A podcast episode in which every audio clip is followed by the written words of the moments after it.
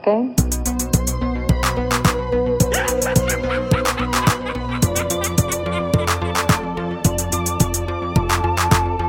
Oh, Hal, do you read me? Do you read me, Hal? Affirmative, Dave. I read you. Welkom bij de derde aflevering van Gremlins Strike Back. Mijn naam is Maarten Melon en ik ben eh, zoals voorgaande afleveringen vergezeld door mijn twee co-hosts, eh, Bart de Duitse, eh, Hallo. Bart de Duitse ja, en Sven de Ridder. Hey, Dag Sven.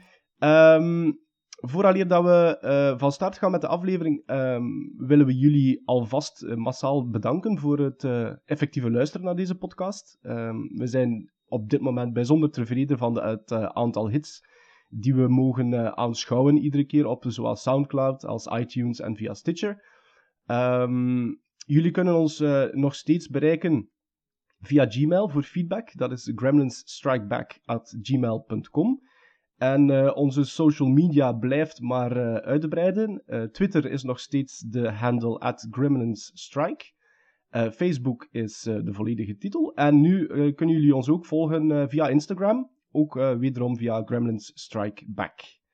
Ehm, ja, jongens, we gaan eraan beginnen. Hè? Bart, heb jij iets eh, te zeggen? ja, Maarten hangt eraan het berechtzetten.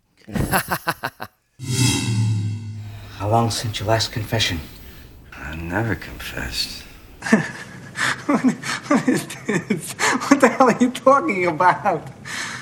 You, you can't just shoot me like that. It don't make sense. Look in your heart. Look in your heart. What hurt? Ehm, wanneer dat we aan het brainstormen waren over deze podcast, hadden we toch wel een van onze waarden, was het, eh, het, eh, de volledigheid van het, eh, de besproken titels, eh, van de titels die we zouden bespreken. En ik heb inderdaad een fout gemaakt. Eh, in ehm vorige aflevering had ik het over de documentaire die gaat over Sergio Herman, maar ben ik wel vergeten eh, te melden wat dat de volledige titel is. En die is, eh tromgeroffel, eh, Sergio Herman, dubbele punt, fucking perfect. Ehm, als je meer wilt weten over die titel, dan raad ik onze luisteraar aan om dat toch op te zoeken via erkende media zoals IMDb en niet gewoon fucking perfect of een van die toestanden in Google in te typen. Dit, Ah, ik, ik heb dat nogthans gedaan. Ah ja, dus je hebt u dan doorheen de vunzigheden Nee, ik, ik kwam allemaal eh, eh, mijn Facebook-profiel tegen, mijn eh, Twitter-profiel, eh, mijn IMDb-profiel kwam ik tegen. Ja, dus Gmail is uh, gmail.com om Bart zijn vunzigheden ook eh, te bespreken en dergelijke. Ja, dank aan de ene mens die al gemaild heeft. Ja, voilà. You know something, people? You're going to be remembered the rest of your lives for the day you got held up and kidnapped. Victims of Stockholm Syndrome develop compassion and loyalty towards their captors.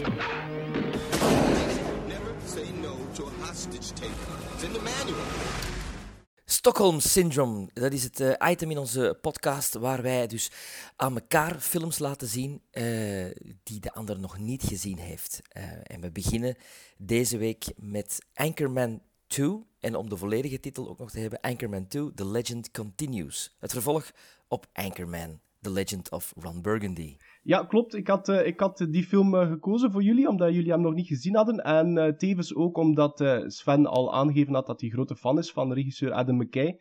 Die toch eh, tegenwoordig hoge potten, eh, allee, hoge ogen aan, aan, aan het scoren is. ehm, die toch wel eh, heel hard in de spotlight staat. Ehm, ja, waarom Anchorman 2? Ehm, ja, ik, ik heb gewoon immens genoten van de eerste film. En Anchorman 1, The Legend of Ron Burgundy, eh, dat is zo'n beetje een cultfilm geworden, hè.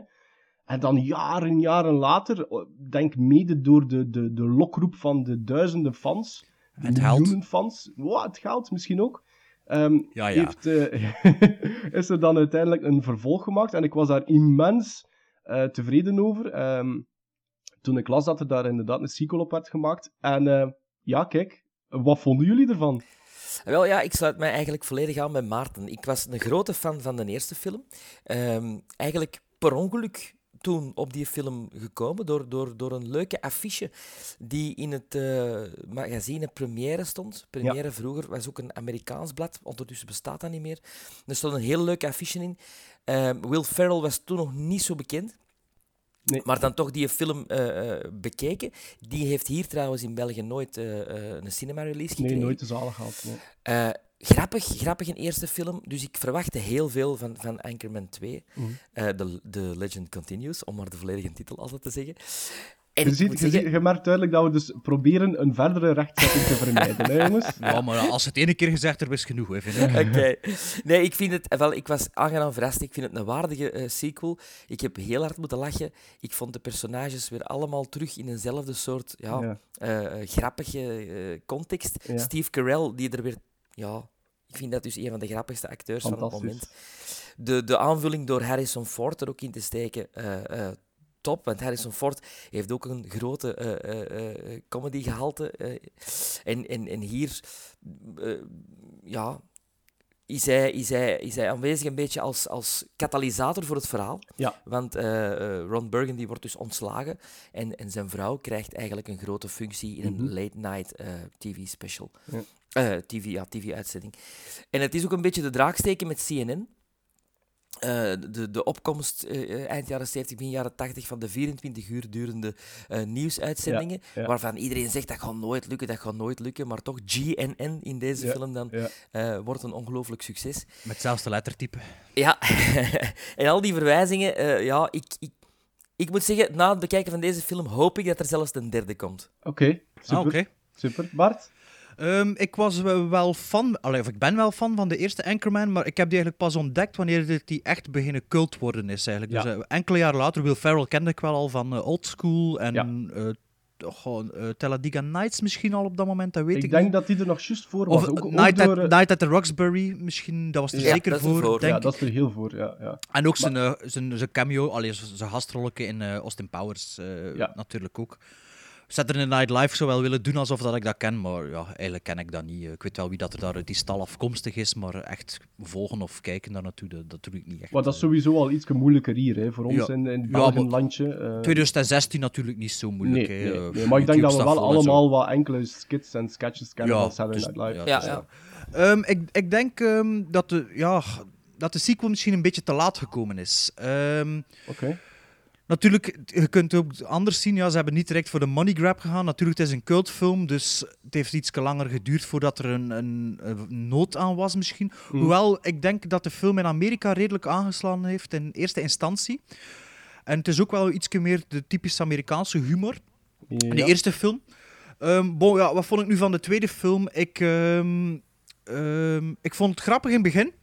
Hm. Het eerste kwartier vond ik het plezant om terug de personages te, te zien, eigenlijk. Ja, en ja. En, en ja, een, debiele dingen terug te leren kennen.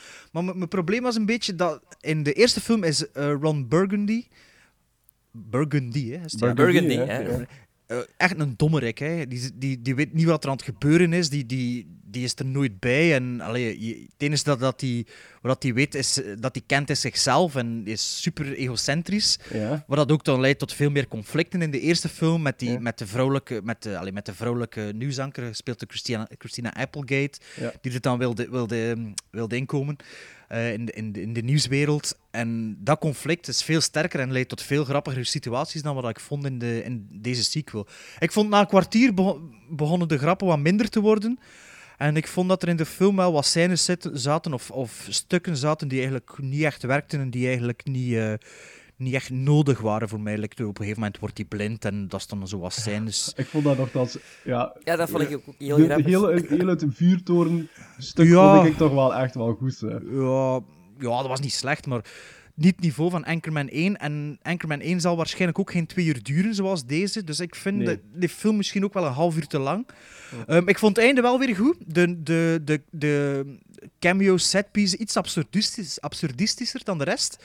Zo het gevecht tussen alle verschillende cameo's, waarvan dat we niet echt veel gaan zeggen. Dat zit in een 1 ook, Dat zit in In een, een ja, dat vond ik echt wel... Ja, ik vond maar dat, niet daarin- echt vernieuwend of zoiets. Wat, dat herinner ik me eerlijk gezegd niet meer dat Ja. dat erin zit. Maar De, vond- de, de, een, de een duurt eh, 90 minuten, heb ik juist even gezien. Ja. Ah, wel, voilà. Ja. En ehm, ja, dus, dus dat eindgevecht, dat deed me ook een beetje denken aan Ghostbusters. Met, die, met, de, met de effecten en de setting Ja, zo'n beetje. ja, en Een beetje een verwijzing er nog Ja, eigenlijk. ook een verwijzing, ja, ja. En dat vond ik wel plezant. En omdat ik, ik zeg het, ik was het al vergeten dat dat in Anchorman 1 zat. Dus ik was er wel door verrast en, eh, Ja. en door die setting. En ik vond ook nog een goede grap van een, een, eh, een bepaalde cameo. Een mens die nog nooit voor de rest in zijn leven grappig geweest is. Dat hij zei van... eh, I gotta call Michael Jackson because I've got an ID for a video. Dat dan ook een rechtstreekse verwijzing naar Back to the Future is. Ja, dat ja, vond ik wel, dat vond ik wel grappig. Dus, en ook vooral Steve Carell en Kristen Wiig vond ik eigenlijk het meest verrassend eh, als, als, als spel in de film. Zo, vooral de eerste scène tussen die twee, die eigenlijk Ja. nergens over gaat, maar Ja. die wel marcheren omdat ze even dom is als, eh, als Ja. Steve Carell. Dus eh, Ja. ja, ik vond het wel oké. Ik, kan, ik, kan, ik, kan, ik treed Bart wel bij op een paar punten. Hij mocht inderdaad iets snediger geweest Zeker, zijn. zeker, ja. Ehm, Maar eh, ik vond het over zijn geheel misschien iets qua niveau iets lager dan de eerste. Maar ik vond het zo geslaagd om al die personages opnieuw te zien en, en, en ermee En de, de, lachen. per- en de periode en de. Ja. De film begint met de muziek en je zit helemaal Ja. zo eind jaren 70, begin jaren Ja. 80. De- ja, ik, ik, ja, goed. Ook opnieuw, en je voelt gewoon dat die, al die man zoveel plezier hebben gehad. Mhm. Ehm, je hebt dan een Paul Rudd, je hebt, je hebt Steve Carell, maar allemaal, allemaal, die, die, die zitten daar zo volledig in. En als je ook naar de, naar de mm, ik heb op DVD, en, en als je naar die extra's kijkt, die mannen, hoe dat die improviseren en hoeveel dat er ad lib gebeurt. En Ja, ja, ja. ja, dat, dat is gewoon, dat, pas op, hè, dat is komisch talent en je moet dat hebben of je hebt dat niet. Ja, ja, moesten ze Ehm, dat niet hebben, zou die film totaal niet werken. Voilà, Nee, voilà. eh, Die, eh, dat zijn echt personages die, die, die... Ik denk dat ik die, die voor eeuwig in mijn geheugen gegrift zou, zullen zitten, omdat, omdat ik die zo goed vind. En ik, zeg, ik geef Sven ook gelijk. Ik, ik, ik vond Harrison Ford zijn timing, ik, die heeft mij wel verrast hoor. Ja, hij heeft, eh, pas op, hij heeft ook ooit nog eens een Working Girl gemaakt met Sigourney Weaver en Melanie Griffith. Oké. Ehm, waar dat hij ook zijn komisch talent eh, kan laten zien. En ehm, paar jaar geleden zelfs nog een, een film met Rachel McAdams, ehm, ook over een Ja, televisiestudio. die vond ik ook wel goed. Eh, was dat ook niet met Diane Keaton? Dat was met Diane Keaton. Ja, Ja, hè? ja. De Ja, titel ja. ontgaat me even, maar daar heeft hem ook... eh, hij heeft... Ja, en in Star Wars zie je dat ook, hè, dat hem komische Ja. timing heeft. Oh ja, maar hier is ja. het echt in een Indiana comedy. Jones ook, comedy. Indiana Jones ook, ja, ja, absoluut. Allee, 1 tot 3. Oké, ehm, ja, quotering, hè. Ehm, ik zal beginnen. Ik vond... Ga, ik, ik heb moeite sowieso al voor een score op Anchorman 1 te plakken, maar ik denk voor Anchorman 2 twijfel ik tussen 6,5 en 7, maar ehm, misschien zijn we iets te... Mogen we iets strenger zijn? Ik ga toch voor 6,5. Ja, wel, ik had zeven gizmos op mijn blad staan. Ik had er zes, omdat, omdat, het, omdat het te lang is en omdat het zeker het niveau van de eerste niet haalt. Maar ik heb me wel geamuseerd, eh, ik heb wel wat gelachen. Dus eh mocht gewoon iets korter zijn Ja. en iets Ja. vinniger en snediger nog. Ik heb wel trouwens nog in de film ontdekt wie dat de perfect eh, Stephen King zou kunnen spelen. Zoals die eruit ziet eh, in eh Night Riders moest er ooit een remake komen. Dat is eh, Greg Kinnear. Ik weet niet of dat Ja, dat ja, het- ja, ja, ja, ja. Zo met, met, dat, met dat vatsig staartje zo. En ja. Ja. een beetje hetzelfde zo William H. Ja. Macy gezegd eh, als, Ja. eh, als Stephen King. Dus eh, ik dacht, Ja. ah kijk, moest ik ooit een film maken in Amerika dat een remake is van Night Riders, dan, eh, dan bel ik die. eh, Alright. Eh, Oké, na Anchorman 2 gaan we over naar eh Sven, hè. Sven zijn film. Ik koos voor Lansky, eh, een tv-film uit 1999 van John McNaughton. John McNaughton is de filmregisseur die we onder andere kennen van Henry Portrait of a Serial Killer. En het handelt over Meyer Lansky. Meyer Lansky is een van de grondleggers, samen met Lucky Luciano en Benjamin Bugsy Siegel, van de moderne Amerikaanse georganiseerde misdaad. Ehm, veel eer eh, gestoeld op het gokken en de gokindustrie, eerder dan eh, eh, de drugsmafia. Ehm, ik vond Lansky een hele toffe film, een beetje in de grandeur van The Godfather. Niet helemaal zoals The Godfather, want het blijft natuurlijk een tv-film. Maar het heeft vooral te maken, denk ik, met het scenario van David Mamet. En David Mamet staat toch ook gekend om zijn betere eh, misdaadfilms. Untouchables. Zoals The Untouchables, inderdaad. En de prestatie van Richard Dreyfuss in combinatie met de dialogen van David Mamet maken van deze film net iets meer dan een gemiddelde tv-film. Ik denk iets meer budget en ja, het had een cinemafilm kunnen zijn. Ik ben fan van de film. Eh, wat denken jullie ervan? Ehm, ja, een tv-film is natuurlijk wel. hè. En ook een tv-film gemaakt in tijden nog voor de Sopranos zelf, Ja. denk ik. Dus, dus in, in tijden voordat de tv natuurlijk nog niet eh, het elan van cinema, zoals dat tegenwoordig ook wel een beetje had, eh, heeft. Eh, het is dus gemaakt voor HBO, als ik de beginpancarte mag geloven. Ja. En, dus er zit natuurlijk, met het, zeker in 99, nog met het 4-3-formaat. dus dat is voor de luisteraars het traditionele, ehm, eh, niet het breedbeeld zoals we nu televisies hadden, maar zoals in de jaren 90 nog, dus het vierkantbeeld.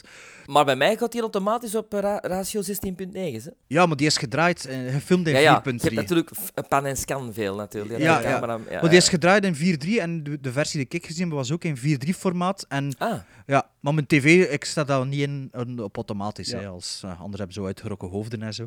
Of eh, stukken kwijt van beeld. Dus, eh, ja, dus dat was al een, een beetje een min, minpunt om een moderne film, tussen aanhalingstekens, te zien die in 4.3 gedraaid is. Zeker als het een, een mix is van, zo, inderdaad, The Godfather, de Once Upon a Time in the West, The Untouchables, zo. En ja, je zit een beetje... Je, je zit vooral met een tv-film. Ik vond dat, dat er al heel veel dingen Ja. merkte. Dus de, de film zelf is echt wel een mengeling inderdaad van klassieke gangsterdrama's. Dus ik vond de muziek deed me enorm aan The Godfather denken. de muziek is heel goed trouwens. Dat is ook een pluspunt van George S. Clinton. Geweldige eh, orkestrale, eh Ja. grandeur muziek. Ja, de- maar, dus de, de muziek deed me aan The Godfather denken, maar je zat natuurlijk niet met de grandeur van een cinemafilm. Ehm, Het verhaal deed me ook een beetje Once Upon a Time in America denken, omdat we eigenlijk met een rise en een fall, of met een, met een jonge Joodse jongen die opgroeide eigenlijk te maken hebt. Ehm, de Untouchables deed me ook aan denken, zoals er is ook een flashback waarbij dat hij een manicure krijgt, um, Ja. Dat deed me direct denken aan de openingsscène van die Untouchables, waarbij dat Robert De Niro een scheerbeurt krijgt. David Ook, Mamet. ook geschreven door David Mamet, inderdaad. En Richard Dreyfuss, die vond ik fysiek eigenlijk een beetje denken aan, aan de Joodse Robert De Niro en Casino. Een beetje Joe Pesci en Ari Gold, zo van de Met Entourage. zijn, met zijn moedervleksken erbij. Ja, zijn moedervleksje zo. Dus en z- z- zijn mond ook me een, be- een beetje te veel denken aan, aan, eh, aan eh, Robert De Niro. Maar ik denk, ik, wat ik, ik, had het, ik heb het redelijk lastig gehad eigenlijk met Lansky. Ehm, Was laat misschien. het was, ja, dat, dat, dat speelt misschien ook wel een rol. Ehm, maar ik had ook vooraf ehm, wat opzoekingswerk gedaan en ik was zo blij toen dat ik ehm, las dat het inderdaad eh, geregisseerd was door John, John McNaughton en eh, het scenario van David Mamet. En ik vond Henry Portrait of a Serial Killer vind ik nog altijd een van, van echt een goede film die, die, die zeker een aanrader is. Alhoewel dat die ook groezelig is. Hè. Dat is, is een Dat is misschien wel een understatement. ja, dus heel groezelig. Heel- qua tempo ligt dat ook niet, niet hoog. Dus, ehm, maar ik ben een beetje teleurgesteld eh, eigenlijk door Lansky. Ik had, ik had ook... Ik, het waren zoveel knipogen naar, naar, naar films zoals dat Bart en Sven al hebben opgesomd van The Godfather en The Untouchables. En ik had zoiets van... Weet je wat? Ik zou eigenlijk liever naar die, die films nu aan het kijken zijn dan naar Lansky. Ehm, ik vind het een, een, een, zeker een ik weet niet of dat, dat woord bestaat, maar een verfilmingswaardig verhaal over de man. Ehm, maar ik, ik voelde het niet. Nee, ik ook niet. Ehm. Ik denk ook dat eh, de, de jonge acteurs eh, niet kunnen acteren. Eh, Nee. Ik vond die heel slecht. Ehm, Ik vond, ik vond de, de scène, de geboortescène, vond ik enorm slecht. Ja, de, ja. Dus dat vond ik de slechtste, eh persona allee, de slechtste eh, acteur die in de film zat wat betreft eh Ja. Lensky. Dat is enorm soap opera, soap opera vond ik. Ik vond dat die vrouw wordt zo hysterisch. Ehm, die vrouw, ik weet de naam van de actrice niet, maar als je ziet, herkent ze, herkende ze wel. Ze lijkt een beetje op Shelley Duvall in, in The Shining zo. Ehm, ik, ik heb dat ook genoteerd. Die scène vond ik enorm, enorm. eh, pff, Het is, goed en- het is goed dat je dat zegt, want, want ik vind... ehm, dus het personage van Maya Lansky wordt, wordt doorheen het verhaal natuurlijk eh, vertolkt door verschillende Ja. acteurs. Ehm, de acteur tussen Dreyfus, die, die dan, ehm goddank, eindelijk ook zijn opwacht, opwachting maakt buiten de, de, de, de, de oudere flashback. versie. Ja. Ja. Ehm, en de, de, de, dus de versie tussen de, de Dreyfus en de jonge acteur, ik vond dat die Ja. gast ook niet goed kon acteren. En dat werd pijnlijk duidelijk, vond ik, tijdens die geboorte inderdaad. Voilà. Och, dat was. ehm, eh, pas op, ik, er zitten wel goede stukken in. Hè? Bijvoorbeeld, eh, ik vind ehm, die, dat, die scène waar dat ze een jonge Lansky dan ehm, een Ierse jongen onder water trekt. En Ja. dan. Allee, ik wil. Voert, ik zeg het gewoon, dat hij hem vermoordt. Ik vond, vond ik heel heftig, vond ik, vond ik redelijk goed in beeld gebracht. Maar ehm, nee, het was mij niet te boeien. Het was mij niet te boeien. Het tempo ligt ook redelijk laag. Het, het, het gegeven tv-movie van continu van, van heden naar flashback, heden, flashback. Op een gegeven moment had ik zoiets van, jongens, dan weet je wat, ik kan die, skip, die stukjes ook volledig skippen en gewoon direct doorspoelen naar de flashback. En ik ga het nog altijd allemaal begrepen hebben. Hè. Ja, ja, ja. ja. Ehm, ik, heb, ik, heb dat ook staan. Ik, heb, eh, ehm, ik, vond, ik vond de... ik- omdat je eigenlijk met, met een, ik denk ook met een tv-gegeven zit, Mm. je krijgt nooit ruimte om te ademen Nee. met ruime shots. Nee. Alles is beperkt. Heel veel... Allee, er zit niet veel geweld in het, in het verhaal. En ik vind een verhaal van een maffiabaas, die heeft wel een bepaald, een bepaald aantal geweld nodig. Ja. En het weinige geweld dat erin zit, is een enorme rondgeknipt. En offscreen ook. Dus Ja. in het begin... Ik vind, ik vind altijd in films, zo, zoals eh, in de eerste G.I. Joe film, Oké, de live-action film, Nee. zit er... Is super slecht, moet je niet zien. Maar er zit een, eh, een gevecht in tussen kinderen. En ik vind een kindergevecht zijn, dus ik vind dat altijd marcheren. Ik vind dat iets... Ik vind dat, ja, ik vind dat boeiend. Je ziet dat niet veel, en dat je ziet is altijd van, wow. En Ja, in deze zat- film is er dus in- ook wel een paar van die, begin, ja, van die gevechtscènes, maar er is ook een scène, ehm, er- dan zegt hij zo, dat is eigenlijk een beetje het begin van zijn rise, dat hij zo zegt, nothing for nothing, Ja. nothing for nothing. En dan is er zo'n vechtpartij, maar dat is volledig offscreen. Hij zit alleen op reactieshots. Ja. En dat is weer tv-film, hè. dus ja, je zit ja, met een budget beperkt, met een beperkt budget en je kunt geen ruime shots en geen grote setpieces en niet veel visual effects. En ehm, met, dus je zit veel met de flashback-structuur die een beetje uh, Once Upon a Time in America en The Godfather 2 is natuurlijk.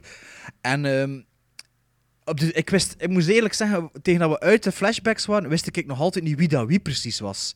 Want je zit met Ieren, je zit Ja. met Italianen, je zit met... En elke keer een andere acteur. En het eerste moment is altijd, ja, wie is het nu? Is het nu Lenski zelf? Is het zijn partner? Eh, is het zijn broer die daar ook wel in Ja. rondloopt? Ah. Ik moet eerlijk zijn, op het einde van de film, ik weet het nog altijd niet goed. Hè. Oké. Maar ja. dat is wel Ja, spannend, ik- want ik wou je dat vragen. Vond jij ook niet dat er, dat er, dat er, dat er heel veel info precies ontbrak in die film? Ik had zo inderdaad situering van personages. Ja, ik denk dat dat komt. Ik heb ooit een andere film gezien over Meyer Lansky, dus voor mij was die figuur al vrij duidelijk. Eh, Mobsters met Patrick Dempsey en eh, Chri- Christian Slater, waar dus eh, enkel, eh, dat gaat enkel over dus de, de, de, de tienerjaren van die, van die gasten, dus tussen hun 18 en hun De, 25. ri- de Rise eigenlijk. Ja, ja, ja, dus voor mij was die figuur al vrij duidelijk. Ik vond het leuker om zo een soort van historie te hebben over heel zijn leven. Ik zie dat graag, zo'n film. Zo'n volledig graag... overzicht. Ik eigenlijk ook. Ja. Ja. Ik zie ook, ik zie ook graag zo'n gangster-epos. En, en moet, allee, ik heb dat onlangs nog gezegd naar Black Mass. Ik vond die film niet zo goed. Maar ik zei ook tegen, met de, tegen de persoon dat ik gaan zien was... Ik zie dat wel graag, zo'n films. En je moet al veel misdoen voordat ik het eigenlijk echt niet goed vind. En wat dat me dan ook wel aanspreekt over het algemeen is ook een beetje het geweld en de, de, de, de zotte dingen die ze doen. Eigenlijk, die, die eh, eh, Lensky komt precies niet over als echt een evil persoon Is of ook, zo. niet, is ook niet. En dat vind ik goed aan deze film. Want eigenlijk blijft het gewoon een boekhouder. Het is, het is een boekhouder geweest Ja, van de ja. maffia. Ja. Eh, die ook het... eh, ja, Dat zal wel niet zo zuiver geweest zijn allemaal, zo denk ik. ik begrijp, ik begrijp, ik begrijp Bart, Bart zijn standpunt, maar hier miste ik dat niet. En ik vond dat eigenlijk een van de meer innovatieve elementen, net dat dat geweld wat ontbrak. Ik, ik vond dat wel fijn dat dat eigenlijk ehm, uiteindelijk gaat over een personage, over een man die, die zoals als Sven zegt, hem eigenlijk met de nummertjes heeft bezighouden, maar door zijn intelligentie ook wel eigenlijk, denk ik, geweld heeft kunnen ontwijken.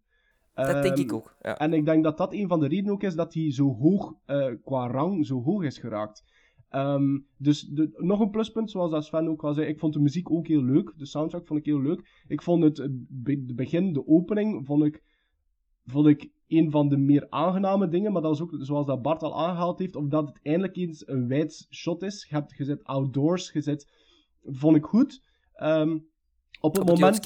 Ja. Ja, op het moment dat, dat Richard Dreyfuss ook effectief zijn opwachting maakt in de flashbacks, vond ik het beter worden. Had dan Ja, ook zeker, een, zeker. Had dan ook een Eric Roberts die erbij kwam. Had een Beverly D'Angelo die erbij kwam. Had een Anthony LaPlaglia die erbij kwam. Had ik zoiets van, oké, maar ik kon mij niet van het gevoel ontdoen dat ik liever naar een andere film zou willen kijken dan.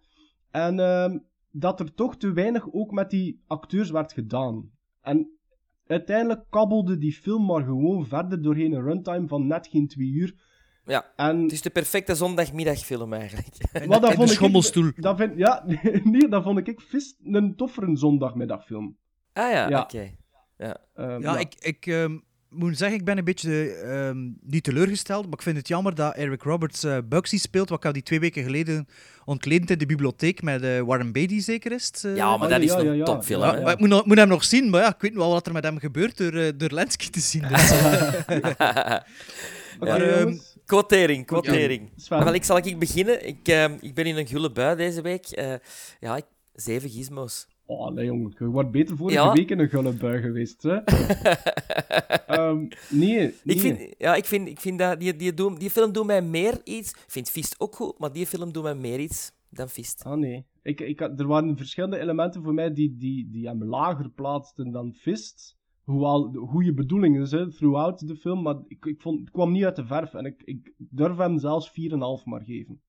ik vond hem een, een verwarrende matige tv-film eigenlijk. Maar ja, de film zelf kan er natuurlijk niet aan doen dat ze met een tv-film te maken hebben. Dus ik vind, je kunt dat niet echt tegen, tegen zich houden, zeker in die tijd nog. Ik denk dat het nu zo gemaakt wordt dat het allemaal beter zou zijn. Ehm, ja, ik vond te weinig, zoals zegt, te weinig actie, te weinig geweld en te weinig criminaliteit echt om over een gangster-epos te spreken. En, ja, ik, vond hem ook een beetje te braaf, eh Lansky. Dus ik geef een 5,5 eh, gizmos. Zeg maar gewoon eventjes een side note. Lansky is gemaakt in 99, hè?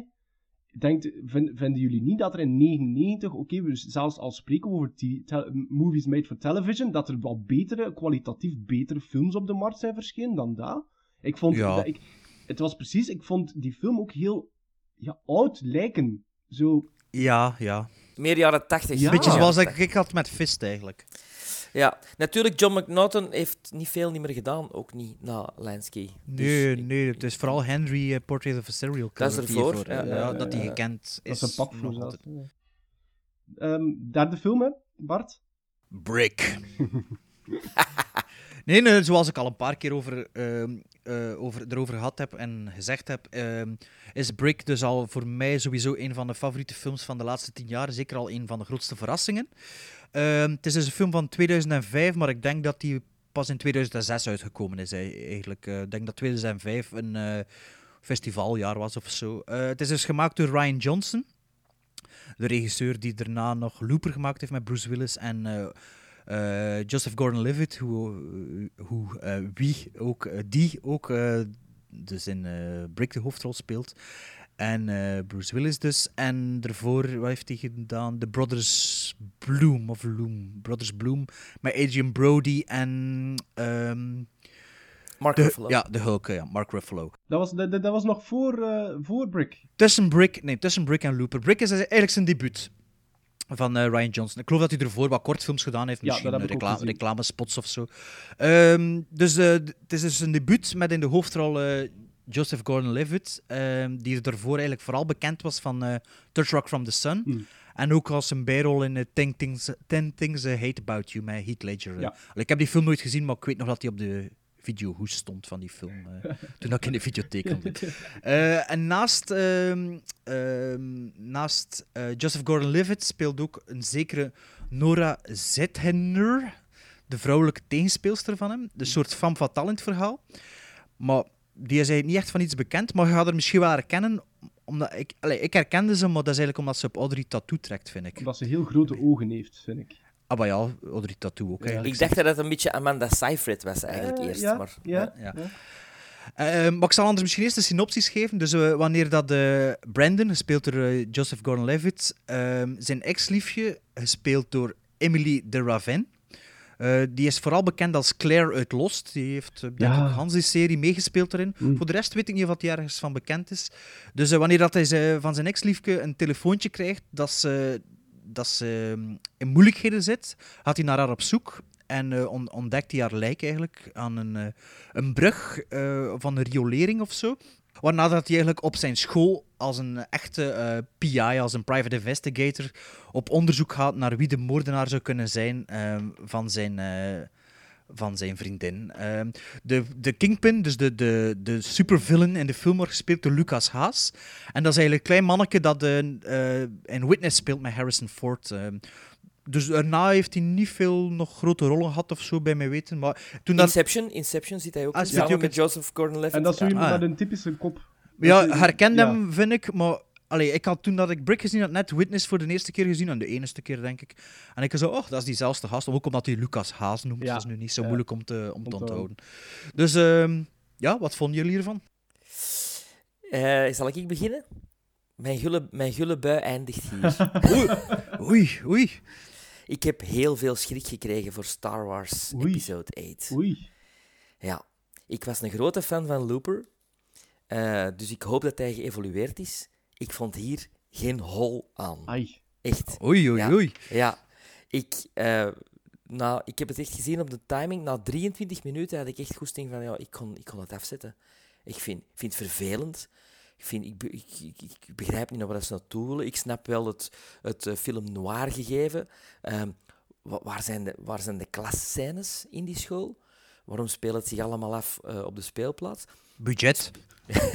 speelt het zich ook af in zijn hoofd? Het personage Brain, is dat iets dat hij in zijn hoofd ziet? Is dat iets dat hij verzint? Eh, Ja, ik vond dat, dat vond ik ook eigenlijk wel een verwarrend personage. Is dat, dat, is, dat, is, dat is eh, zijn klankbord eigenlijk, zeker. zijn Brain. klankbord, Ja. maar ik denk dat Brain niet bestaat. Ik denk dat Brain niet bestaat als ik het zo zie. Dus, en ja, ik moet eerlijk toegeven, op minuut 40 heb ik het afgezet.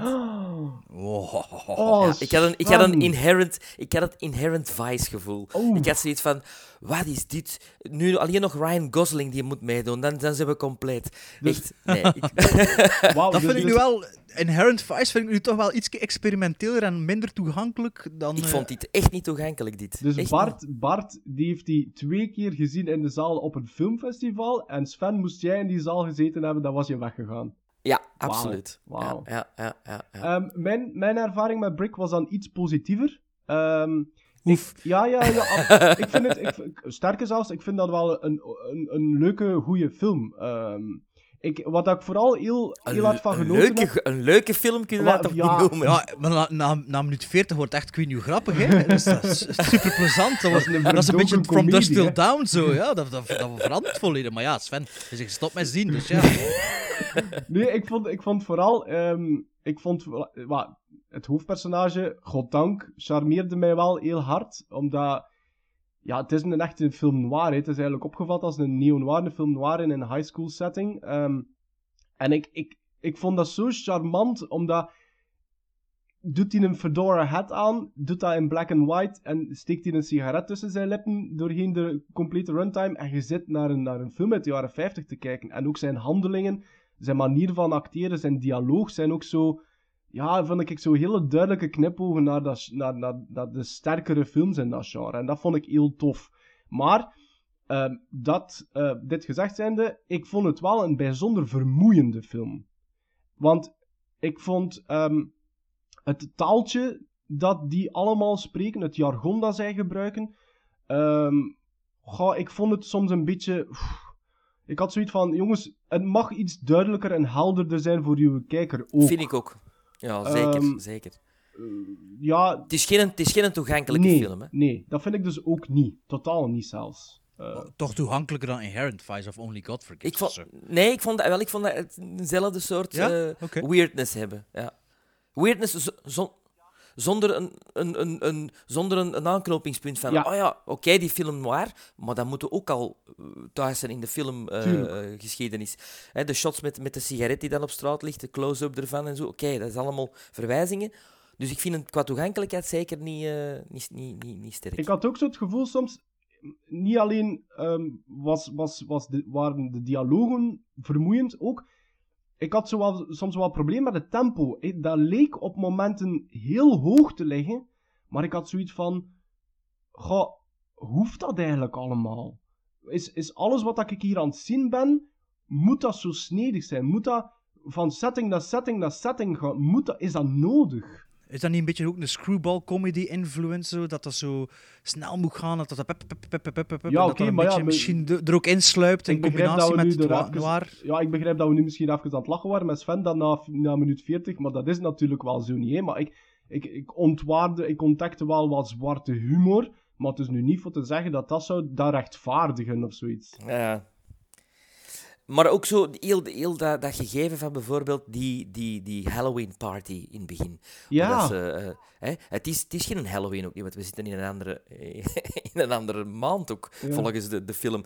Ehm, weird, weird, weird. Ik, ik geloof die personages ook niet. Ik ken zo'n klik, ik ken, dat, dat bestaat volgens mij niet. Dat, dat, dat kids op een high school in Amerika zelfs zo intelligent soms zijn. Ja. Eh, Ja, maar ik denk ook niet dat dat de bedoeling is van de film, dat dat geloofwaardige Nee. high school kids zijn of zo. Dat is een beetje de gimmick van de film ook, dat eigenlijk een, een, een verhaal is die eigenlijk in een, een abnormale setting geplaatst is. Like, je hebt ook van die kinderfilm, allee, er, er is een bepaalde kinderfilm die eigenlijk een volwassene film is gespeeld door kinderen. De naam ontsnapt me Bugsy, niet. Bug, Bugsy Malone. Ja, Ja, met, ja, eh, ja, ja. met Jodie Foster. Jodie? Foster. Ja. Ja, Ja. Ah, ja, ja, met Jodie Foster Ja. inderdaad. Dus, dus daarin kan ik wel meegaan. Dus, allee, ja, het- Ah, ja. ja, ik was totaal niet mee. Nee, nee, maar ik bedoel, maar ik vind niet dat het, bepaal, dat het altijd... Allee, je kunt als regisseur de beslissing nemen van we gaan eh, oude mensen of jonge mensen iets laten spelen. Like dat er nu bijvoorbeeld een film zou maken met de 80-plussers die allemaal aan het, aan het twitteren en snapchatten en Ja. zo zouden Ja. zijn. Dat klopt ook niet, maar dat kan wel werken op een grappige manier of op een absurde manier of op een, een bevreemdende manier. Ja. Ik had daar niet zo, daar had ik niet echt eh, grote probleem mee, omdat ik dat inderdaad al rap door had van, ja, weet je wat, je hebt daar die een Kingpin, eh, die Lucas Haas, eh, weet je, dat bestaat niet, hè. Zo'n type in high school, ik denk nu niet, dat, die wordt omschreven als zijn de drugsbaron, ja, ik denk nu niet op, op die leeftijd dat je dat al hebt, hè, zwart. Dus, dus ik, weet, ik weet nu ook wel, ik, ik had daar rap door dat die personages larger than life zijn en dat die in een, een vreemde setting geplaatst worden. Maar ik had inderdaad ook wel problemen met, met zoals dat Sven zei, van op een gegeven moment, het hij, als private investigator gaat zijn onderzoek wel heel vlot vooruit.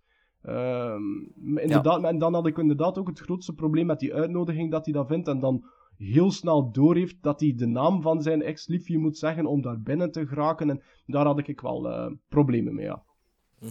Maar Sven, heb je echt oprecht schrik voor Star Wars? Na het bekijken van dit eigenlijk wel. En dat is een, een, dat is een, een vreemde gewaarwording. Ik dacht van oei, oei, oei, oei, oei, oei, oei.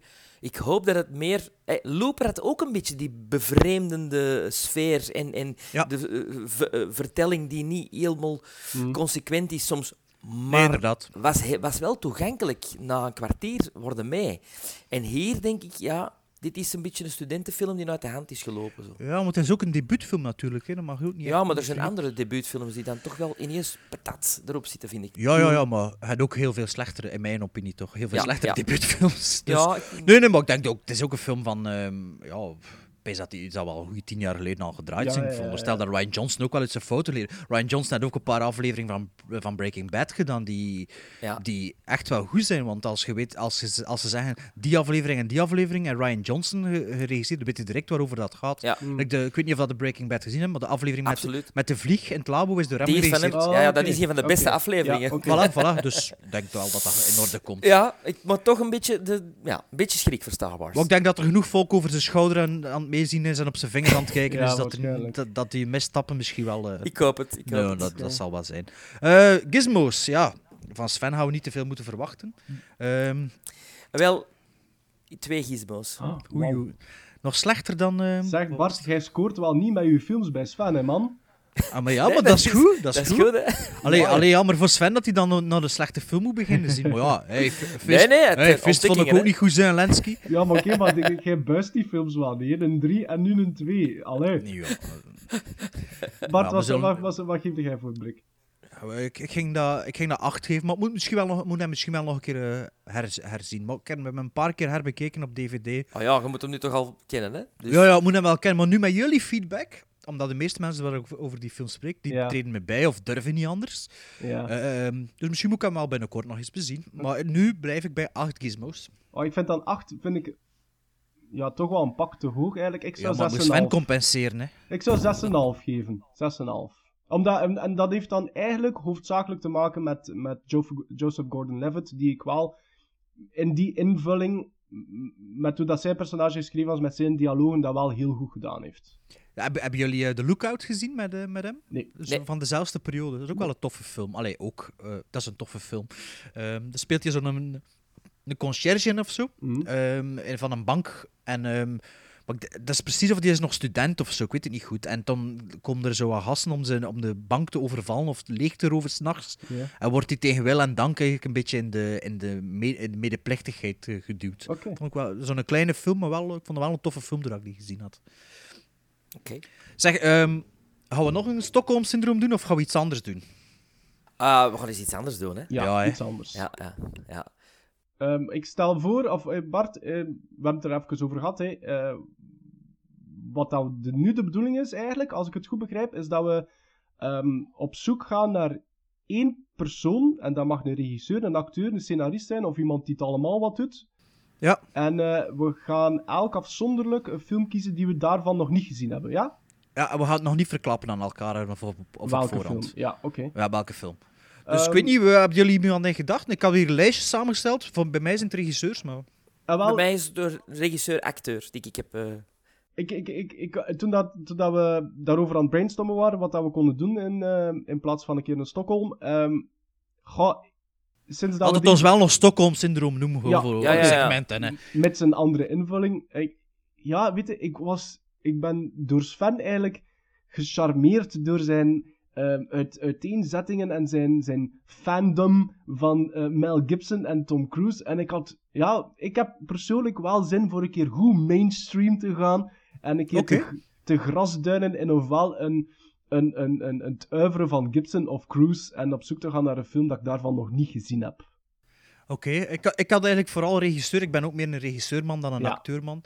En eh, eh, ik heb zo wat klassieker, eh, klassieke regisseurs genomen, waarvan dat ik weet dat ik nog niet alles gezien heb, maar wel heel veel. Dus bij mij is het gewoon zo Spielberg, Scorsese, Billy Wilder, eh, William Friedkin en Ridley Scott heb ik hier staan. Dus ik weet niet. Oké. En ik had eigenlijk één naam, eh, omdat ik van die persoon alles al gezien heb, behalve één film. Aha. en dat is Mel Brooks. Oké. Dat is ook wel leuk. Ik heb Ja, er, ook, is er is ook een bepaalde film die ik al lang wil zien van hem, dus I'm game. En mag die, moet hij hem geregisseerd hebben of geacteerd? Of beide? Of mag die... Beide. Beide. Allee, bedoel, dat is- dat Als Mel. Brooks op de aftiteling staat of de begintitel, Ja. mogen we er naar zien. Ja. Ja, dat vind ik... Ja, sorry, ja, ik, ik, ja, ja, Mel Brooks, dat, ja, dat vind ik ook wel leuk om te doen. Ah, Wel, heel, eh, Maarten had toch al Mel vermeld, Ja. dus... eh, Het is een dus andere... Mel Bro- volgende week een Mel Brooks special, zullen we het maar noemen. Hè? Ja. Alright. Cool. En met wat pech of geluk hebben we alle drie dezelfde gezien. Voilà. Spannend.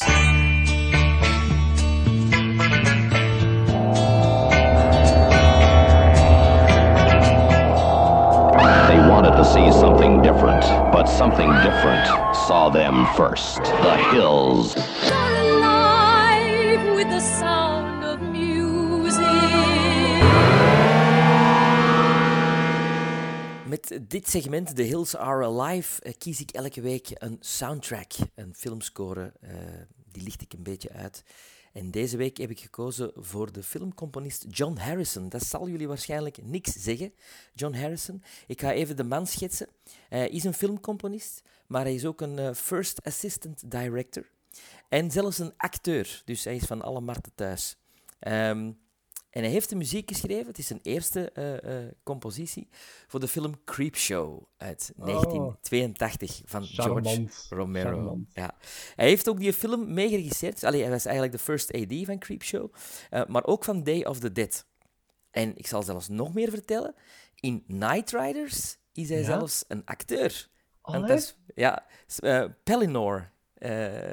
Die, de, de, de, is dat de, diegene dat ze vermoeden dat hij gay is? ja. Ja. Och, ja. Wat een credentials. maar hij heeft dus de muziek geschreven voor Creepshow. En ehm, ja, ik weet dat Bart die nog nooit heeft gezien. nee. Eh, nee, nee, maar ehm, ja, ik kan een klein stukje voorlezen uit het boekje dat bij de CD zit. Is, is, is Creepshow, is dat zo'n anthology-verhaal of niet? Ja, ja, Ja. dat- verschillende verhaaltjes. En Maar dit Ja. is wel heel leuk. A note from George Romero. Um, so we're shooting Creepshow. My buddy John Harrison is the AD and the composer. And we're standing around watching cockroaches crawl over E.G. Marshall. Weird. Here we are, just a couple of guys from Berg, and the Hollywood legend is doing whatever we tell him to do. Well, uh, we'll tell him to let cockroaches crawl over him, and he says, okay, sure. And E.G. Marshall wasn't the only one who let us boss him around. We buried Ted Danson and Leslie Nielsen up to their necks in beach sand. We shoved Adriana Barbeau into a crawl space under a flight of stairs. And we dropped a tombstone on Ed Harris. En dan die muziek erbij. Bart, je moet hem dringend eens zien.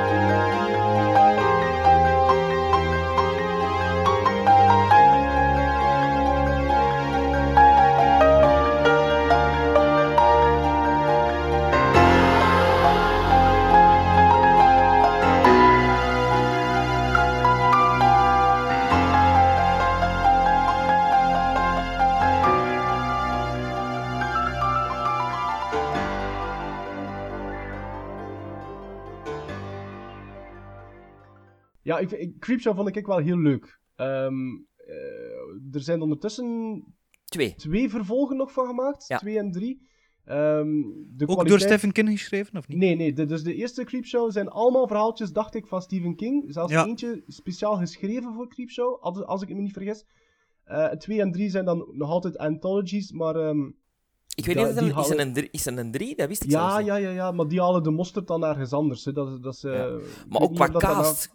Qua cast, hè. eh, Ed Ja. Harris, Leslie Nielsen. Leslie Is Nielsen. Leslie Nielsen een dramatische rol of een komische ja, rol? ja, ja, ja, eigenlijk, ja, drama, maar ook komisch. Want het is- het is een heel komisch segment in de film ook. Maar Het is, het is zwart. Het is niet de, Ja. de, de, de goofball Leslie Nielsen. Nee. Eh, En dan Adrien Barbeau en, en, Ja. en Ted Danson. Fritz Weaver zit er zelfs in. Hal Holbrook. Ted Danson, Ja, van, ja, wie, ja. van wat is die weer? Cheers.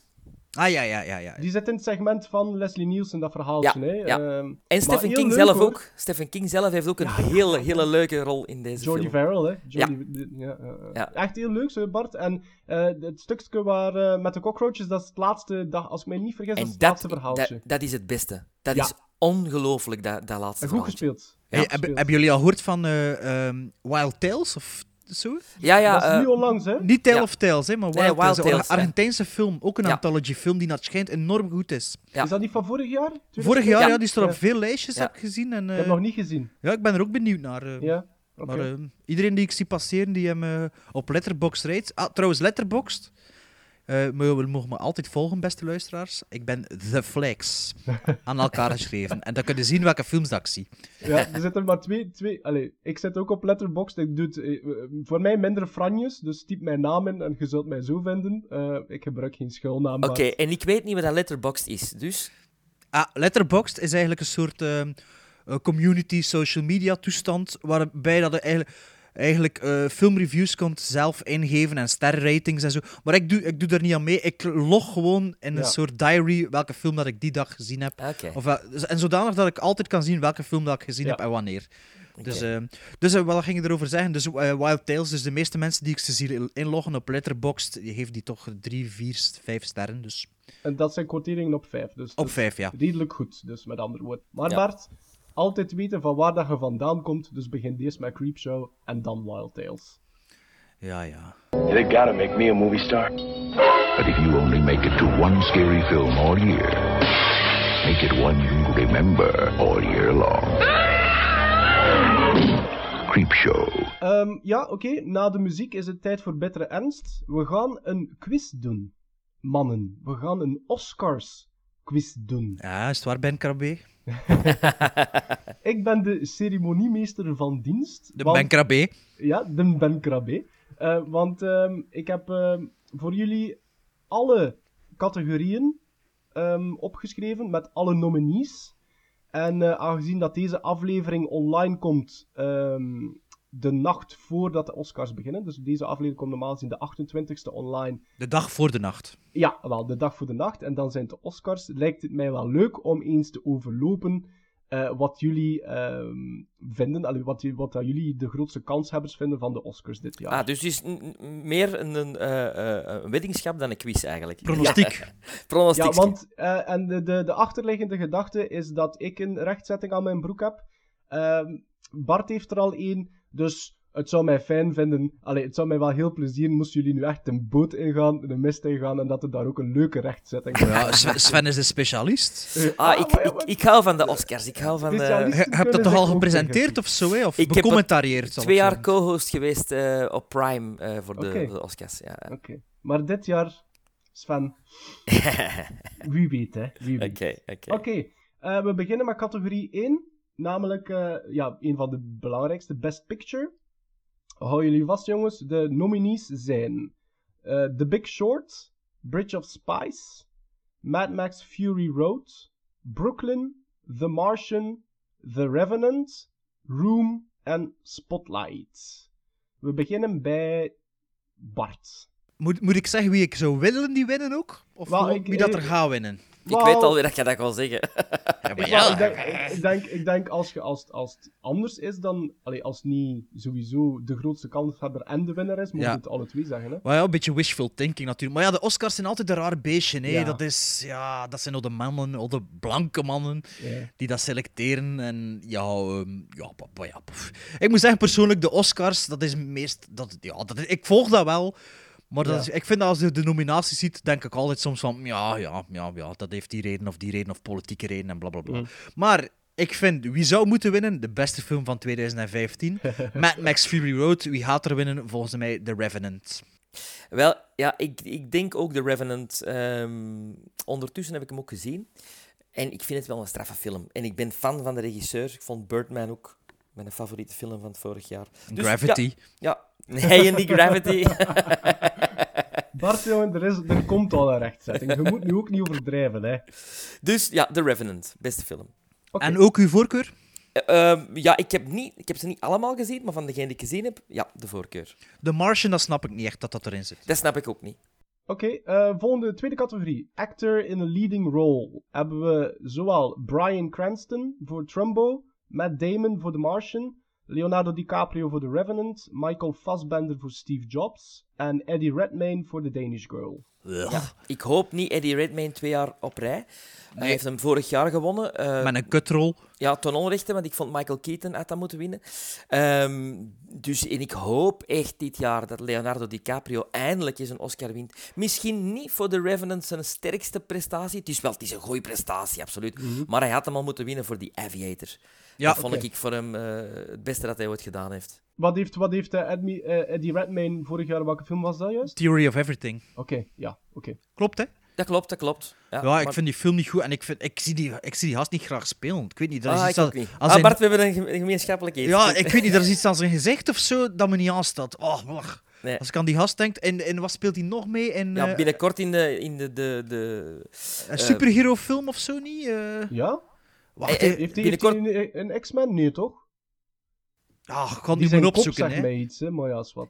Binnenkort speelt hij in de nieuwe film van J.K. Rowling, de, de, de spin-off van de Harry Potter films. eh, Juist, juist. eh, Speelt hij Fantastic Beasts and Where to Find Ja. Them. Ja. Ja. Ja, maar hij speelde nog een film dat ik hem ook niet kon verdragen. Dus, ehm ik, eh dingen Trumbo heb ik nog niet gezien. Wel al goede dingen van gehoord. Ik heb de Danish Girl heb ik ook niet gezien, want dat interesseert me niet. Steve Jobs wil ik nog zien.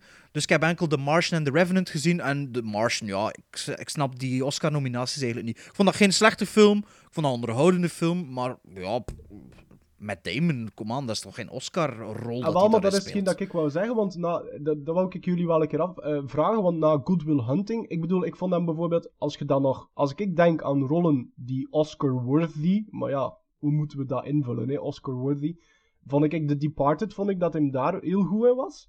Maar heeft hij eigenlijk, zijn, zijn dat nu echt rollen voor genomineerd voor te worden, dat hij een man doet? Wel, ik- ik, vind dat, ik vind dat wel een hele goede acteur. Ik ook. maar ik ook, vind maar- niet dat hij zo groot een acteur Nee. is. Zo. Nee, En nee, dat dat is wat ik meestal associeer met Oscars, persoonlijk. Dus eigenlijk, jullie zeggen, Bart, eh, jij zegt ook Leonardo DiCaprio. Ja, ik vind, win, win- ha- zal winnen en moet. En, eh allee, zou moeten winnen. dan, is en het ook dan voor The Revenant of puur voor zijn oeuvre dan? Over zijn Voor zijn ganse- oeuvre. Voor mij Ja. ook eerder zijn oeuvre. Hij speelt goed eh, in The Revenant. eh, ja, maar hij heeft... Ja, natuurlijk, het is, het is knap. Hij heeft ongeveer 20 zinnen. Ja, Eh, het is- voor de rest het is- is het allemaal ja. blikken en dat is ook knap natuurlijk. Ja. Maar ik vind het eigenlijk Dus- wel straf dat hij dat wel een goede film vindt. Daar moet ik misschien wel nog een keer over hebben in de toekomst. Ik Allee, vind dat een goede film, ja. ja, want het zit toch wel wat eh, Tree of Life vibes in ook soms. En, eh, Maar veel toegankelijker. Ja, ja, ja, akkoord. Maar discussie voor een andere keer. Ja. Ehm, nee, dus DiCaprio voor zijn voor ze, voor ze volledig oeuvre eigenlijk. En ook misschien met weinig concurrentie van die andere. Bij wat, ik- maar ik heb maar één andere film gezien. En Eddie Redmayne heb ik al een vooroordeel over. Dus. Goed, oké. Na eh, actor, actress in a leading role hebben we Kate Blanchett voor Carol, Brie Larson voor Room, Jennifer Lawrence voor Joy, Charlotte eh, Rampling eh, voor 45 Years. Ja, en dan, hoe spreekt het dat uit? hè? Saoirse Ronan. Eh, Saoirse Ronan. Ja, voor Brooklyn. Voor Brooklyn. Ehm, we beginnen bij ja, Bart. Ja, ik heb hier, ja, jammer genoeg voor eh, alle vrouwen involved, eigenlijk nog maar één film van gezien. Mhm. Ehm, ik wil ze, behalve 45 Years, wil ik ze eigenlijk wel allemaal zien. Allee, de rest, eh, Carol moet ik nog zien, wil ik zien, Joy wil ik zien en Brooklyn wil ik zien. Ehm, Maar Room heb ik gezien en de, eh, hoe dat Brie Larson daarin speelt, is echt eh, fenomenaal. Vind Dat is ik. knap, hè? Ja, ik Ja. heb dat ook gezien en ik vind dat... eh ja, De- ze, ze draagt de Hanse film eigenlijk bijna. Allee, goed scenario ook. Ehm, maar hoe zij speelt is eh, ja, fenomenaal. Maar, dus die zou moeten winnen voor mij en die wint, denk ik ook wel. ja, dat denk ik ook.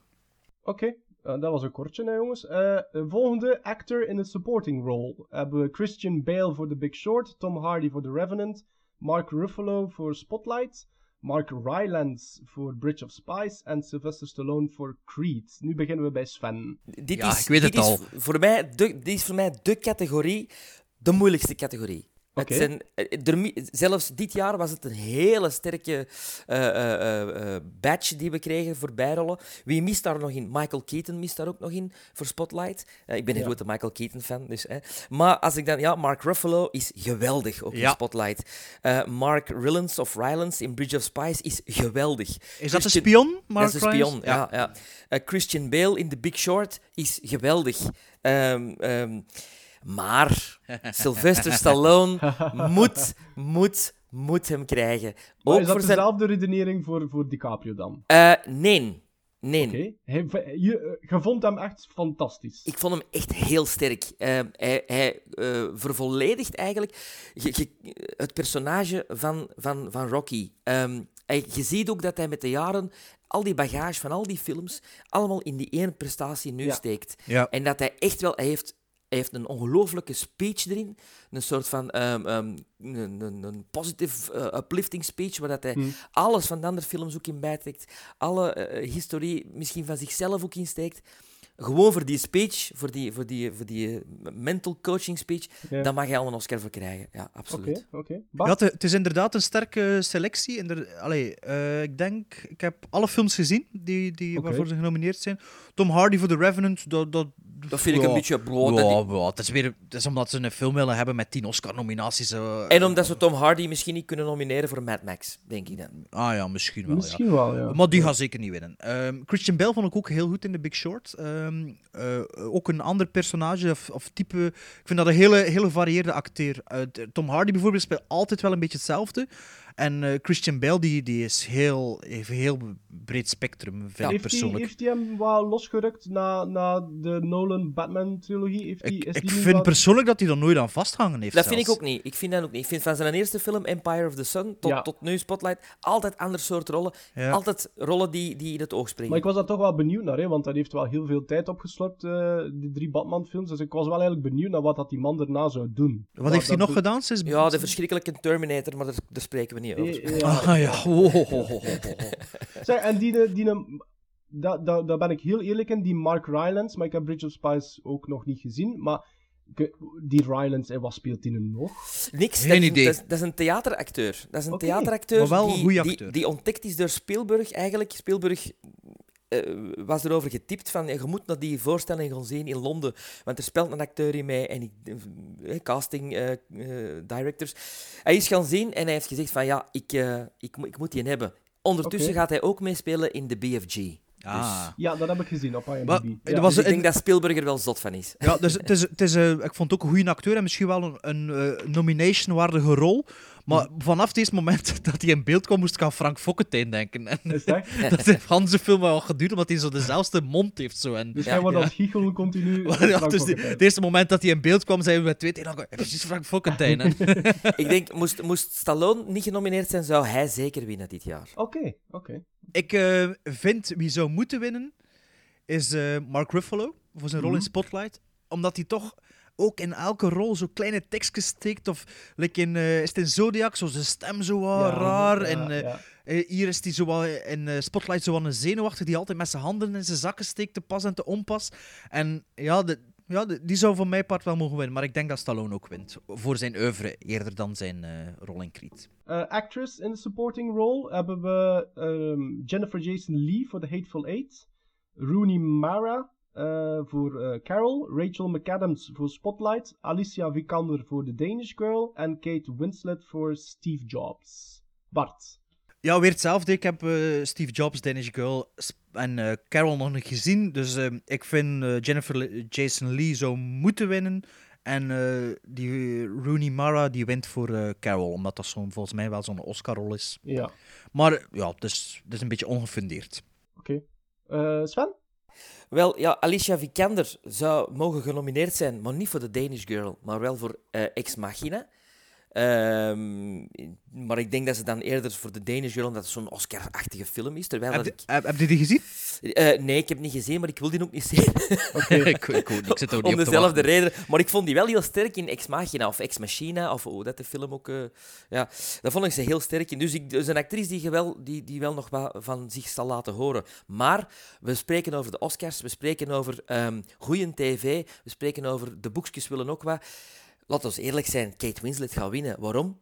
Om dan de foto te hebben met Leonardo DiCaprio. Ah ja, ja. Titanic en toestanden. Titanic. ja, ja, ja, het is ook ja, zo ja. mooi bij elke uitreiking al dat DiCaprio wint en dat, en dat Kate Winslet wint. Ze gaan ook altijd naar elkaar, voordat ze naar het podium gaan, om elkaar nog eh proficiat te wensen. Ze komen ook goed overeen in het echte leven. Ze, ze zijn altijd goed overeen blijven komen na Titanic. Ze hebben samen in het water gelegen, dat schept een band. Ehm, ik denk, ja, Kate Winslet, for all time's sakes.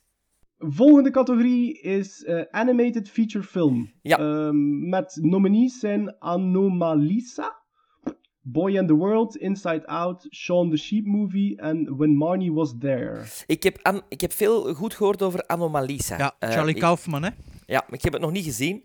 Dus ik ga voor eh, Inside Out, want dat vond ik heel straf, heel goed. En dat is eigenlijk ehm, vreemd. ja, Pixar, en vreemd dat dat ook niet bij beste film bij zit, want ze hadden nog plaats voor een paar. Hadden er nog mogen plaats, ma- maximum 10 films mogen ze nomineren. Ah. En eh, er zaten vorige keer ook al eens... eh, Toy Story 3 heeft er ook eh, tussen gestaan. Dus mm, ja, Inside Out. Ehm, ja, ik heb maar twee films gezien. En eh Anomalisa, Anomalisa, ja, die staat ook op mijn watchlist. Omdat ik er ook al veel goeds van gehoord heb. Ehm Shaun the Sheep Movie heb ik ook gezien. Dat was ook een goede film. Dat was ook leuk, hè? Ja. Ja, maar eh, ik zou moeten winnen en wint is Inside Out. Omdat het eigenlijk echt wel een hele goede hele goede film was. Ehm, Oké, ja, een complexe materie die goed verteld is. kort maar krachtig. Oké, guys. Eh, volgende is Cinematography. Dat is misschien meer jullie dat dan nu. Eh, Carol, The Hateful Eight, Mad Max Fury Road, The Revenant of Sicario. Ook een moeilijke, vind ik. Dat is een hele moeilijke... Dat allemaal grote... Buiten één zijn het allemaal grote namen. Eh, allemaal gevestigde waarden. Hm. Mag alsjeblieft Roger Deakins eens winnen. Hoeveel nominaties heeft die mens al? 12, Ja. 13? Nog nooit gewonnen. En ik dus ben- de vaste cameraman van de Coen Brothers, onder andere. En Ja, en ondertussen ook van, van, de, van Danny Villeneuve ook nu. Dus voor Sicario mag hem eens winnen. Ehm, ik, ik gun het hem en eh, ik denk niet dat hij hem gaat winnen, maar ik kan de positive vibes sturen. Eh, dus Roger Deakins voor Sicario. En, en wie denk jij dat er wint Ja. dan, Sven? Lu- Lubinski, hè. Ja, The Voor, Revenant. The Revenant, ja. ja. Oké, oké. Ja, ik, vind, ik, ik vond het een moeilijke. Carol heb ik dus nog niet gezien. Ehm The Hateful Eight eh, ehm, is mijn minst favoriete van de vier andere, omdat het eh, een beetje gimmicky is ook. En ik vond de, ja, de, ja, het was allemaal indoors en zo. En allee, het was mooi hè, natuurlijk. Mad Max Fury Road hadden heel veel mooie, shots, maar ja, niet per, dat is niet per se de meerwaarde aan de film, vond ik. Mm. Sicario vond ik heel mooi eh, gedraaid. Ehm, zou ook wel mogen winnen, maar ik vind The Revenant, het sterkste aan de film vond ik de cinematografie, dus die zou moeten winnen voor mij en die gaat ook winnen, denk ik. Dit is gefilmd op digitale camera, op vij- digitaal 65 mm camera, of Mm. grotendeels. En ik vind de shots, die, die wijdste shots, dat komt er echt wel enorm, enorm in uit. Veel meer nog dan de, dan de Ultra Panavision van de, de Hateful Eight, met Ja. de zes wijdste shots die in de film zitten. Eigenlijk. Ja, oké. Dus eh, The Revenant. Oké, ehm, dan gaan we verder naar costume design. Hebben we als nominaties Carol, Cinderella, The Danish Girl, Mad Max Fury Road en The Revenant. En als ik mij niet vergis, was er heel veel commotie rond die Cinderella toen dat die uitkwam, omwille van de taille van actrice Lily James. Ik wist zelfs niet dat er een Cinderella-film uitgekomen was. Eigenlijk. Ja, ja, van Kenneth Branagh. Ja, Wel, Wie is dat? Kenneth Branagh. Oh. Allee. Ja, als je me zegt wie dat is, ken ik die waarschijnlijk. Zeg, maar. Eh, acteur van, eh, en regisseur van Henry V, eh Mary Shelley's Frankenstein. ja, ja Ehm, vooral die. heeft eh, Heeft, heel veel... heeft toch de eerste Thor, heeft hij de... de eerste Ge- Thor heeft ook geregisseerd. Hij is Ja. getrouwd geweest met Emma Thompson. Eh ja. hebben samen veel films gemaakt ook. eh Allee, Ja. Kenneth Branagh, come on. Maar Als dus- je die, als je die Eh, ziet, dan ah, is het Eric Bana? Is dat hij Nee, nee, nee, Kenneth Branagh. Maar voor de luisteraars, ik ken eigenlijk echt geen allee, acteurs en namen. Ja, maar het is ook een regisseur, hè? Het is Ja, regisseur. ja, maar ja, Thor 1 vond ik slecht. Dus. Discarded, oké. Nee, maar serieus. Ehm, nee, nee, ik weet, allee, trouwens, ik weet echt wel, er is daar heel wat commotie rond ontstaan, hè, rond die Lily James. En omdat die, ah, blijkbaar heeft hij zo'n wespentaille gekregen door dat kleed dat ze daarin draagt. Allee, ik, ik, ik denk niet dat ik mij aan het vergissen ben, ik denk echt wel dat het over Cinderella ging. Ehm, en dat dat weer zo'n een, een, een, een, foutief eh, ideaal eh, beeld was voor de vrouwen die daar naar keken. Ja, wat doet er niet toe. Dus ik denk niet dat die, die film gaat winnen. Dat, dat, dat is mijn punt. Ah ja, oké. Wel, ik ga hier de, voor Mad Max gaan. Eh, ik vind dat ehm, heel, ja, heel dicht bij het origineel zitten ook. Qua, qua styling, qua look. En eh, ik was niet zo'n fan van de nieuwe Mad Max, maar qua kostuums, als ik de nominaties zie, ja, dan denk ik Mad Max. Ja, oké, weer hetzelfde verhaal van de films die ik gezien heb. Eh, zou moeten winnen ook Mad Max. En ik denk ook dat die wel zou winnen. De Revenants zijn vooral wat lompen en... en wat, wat, allee, ja, zo niet, Dat is waar. Niet, niet, niet, niet gedetailleerd. Waarschijnlijk wel natuurlijk. noemen, ja. Ja, Mad Max is heel origineel qua Ja, kostuums. voilà. Mad Max is er echt over nagedacht. De Danish Girl en Carol zal vooral eh, traditioneel kledij zijn. Dus in, en eh, Cinderella, ja, dat weet ik niet. Ehm, Oké, een van de meer, eh, allee, van de meest interessante vind ik de directing eh, natuurlijk. Eh, met ehm, de nominees: The Big Short, Adam McKay. Mad Max Fury Road, George Miller. The Revenant, Alejandro González Iñárritu. Room, Lenny Abrahamson.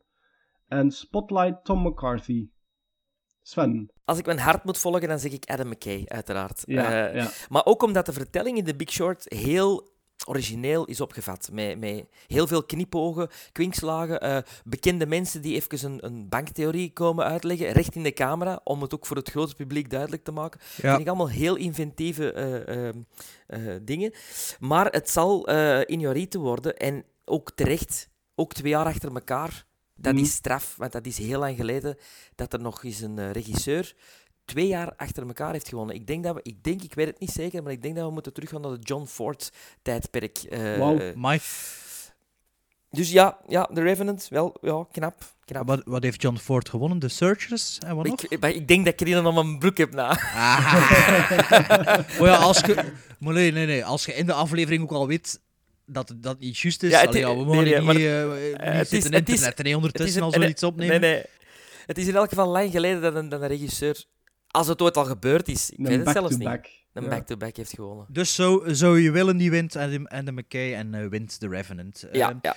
Ik vind het altijd moeilijk om eh, films die winnen en regisseurs af, afzonderlijk te zien, omdat... ehm, ja, ik vind dat moeilijk om, de, om... Ik vind het altijd raar als de best director niet dezelfde is als beste regisseur, ehm, als beste film.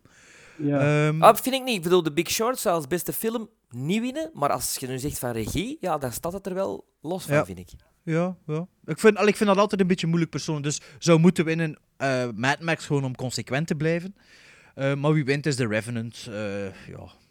ja, voor dezelfde reden die, die, die Sven zegt. Dat is, een, dat, is een Os- dat is ook een Oscar-film. En, ehm, Spotlight, Spotlight zou ik zelfs niet genomineerd hebben, denk ik persoonlijk. ehm. Maar best wel, allee, dat- ik vind dat toch wel frappant. ehm, die Adam McKay, dat die, die is toch wel zijn, zijn weg aan het timmeren. Hè? Geweldig. Want die is begonnen met, alleen met alle respect, met, ja, niet dat ik comedies op een, een lage trappen plaats, op een lage treden plaats, maar Anchorman, hè, we hebben het erover gehad in het begin van de uitzending, je hebt Ant-Man dan, dat die, maar Step Brothers, The Other Guys, dat zijn toch, dat zijn toch niet dat je van verwacht... Ja, ja, dat Ja, zijn toch ook niet films waarvan zelfs- dat je verwacht vier jaar later of drie jaar later wordt hij genomineerd als beste regisseur. Ja. En in Big Short zit ook heel veel humor in, dus hij blijft Ja. Het is ook wel- ensemble, hè. Ensemble cast Ja. ook, hè. Ja. Oké, eh, moving on. Feature documentary hebben we Amy, Cartelland, The Look of Silence, What Happened Miss Simone en Winter on Fire, Ukraine's Fight for Freedom. Bart. Eh, ik heb de drie van de vijf gezien. Oké. Ehm, ik ben wel een documentaire fan. Soms denk ik wel dat ik er nog meer naar zou moeten zien. Ehm, ja, sommige van de nominaties ja, vind ik een beetje raar. Ik heb betere documentaires gezien, like The Wolfpack bijvoorbeeld. Ja, dat was goed, hè. Dat vond ik beter dan eh Ja. Cartel Land. Dat, allee, dat ook wel een... Ja, allee, maar documentaire is altijd raar, want het jaar dat de, de Act of Killing moest gewonnen hebben, Mhm. Was het eh, volgens mij 20 Feet from Stardom die gewonnen heeft. Dat ik nog niet gezien heb, maar ik heb de indruk dat ze bij de Oscar voor documentaire graag gaan naar iets luchtig en iets In Amerikaans, een- ehm, of een heroïsch verhaal, dan naar iets eh, die eh, politiek is, religieus of op een zere plek eh, ergens. Iets, eh. Mm. Dus ik denk niet dat The Look of Silence zal winnen. Die film was ook niet beter dan eh, The Act of Killing. Ehm, Amy heb ik gezien, die zou voor mij moeten winnen. eh, Ja.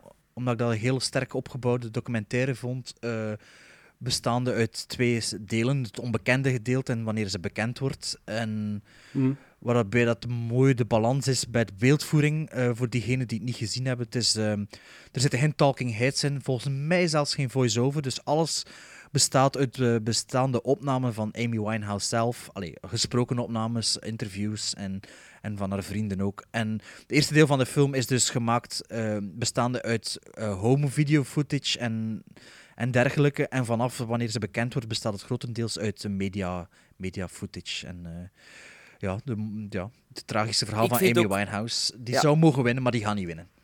Oh nee, Amy gaat winnen. Ben ik Ja? zeker van. Ja. Ik, volgens mij is het What Happened Miss Simone die gaan winnen over de Ni- Nina Simone. Ehm staat op Netflix volgens mij, moet ik nog zien.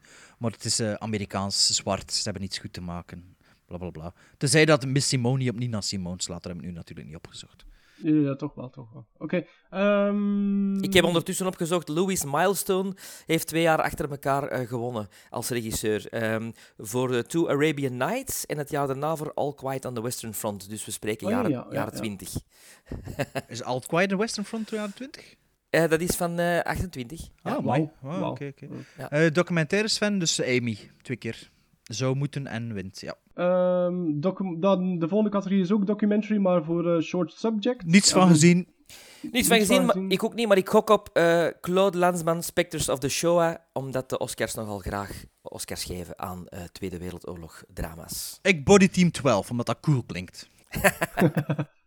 Oké, moving on. Film editing, The Big Short, Mad Max Fury Road, The Revenant, Spotlight of Star Wars. Wel, als hier Mad Max niet wint, dan weet ik het niet. Ik bedoel, ehm, Ja.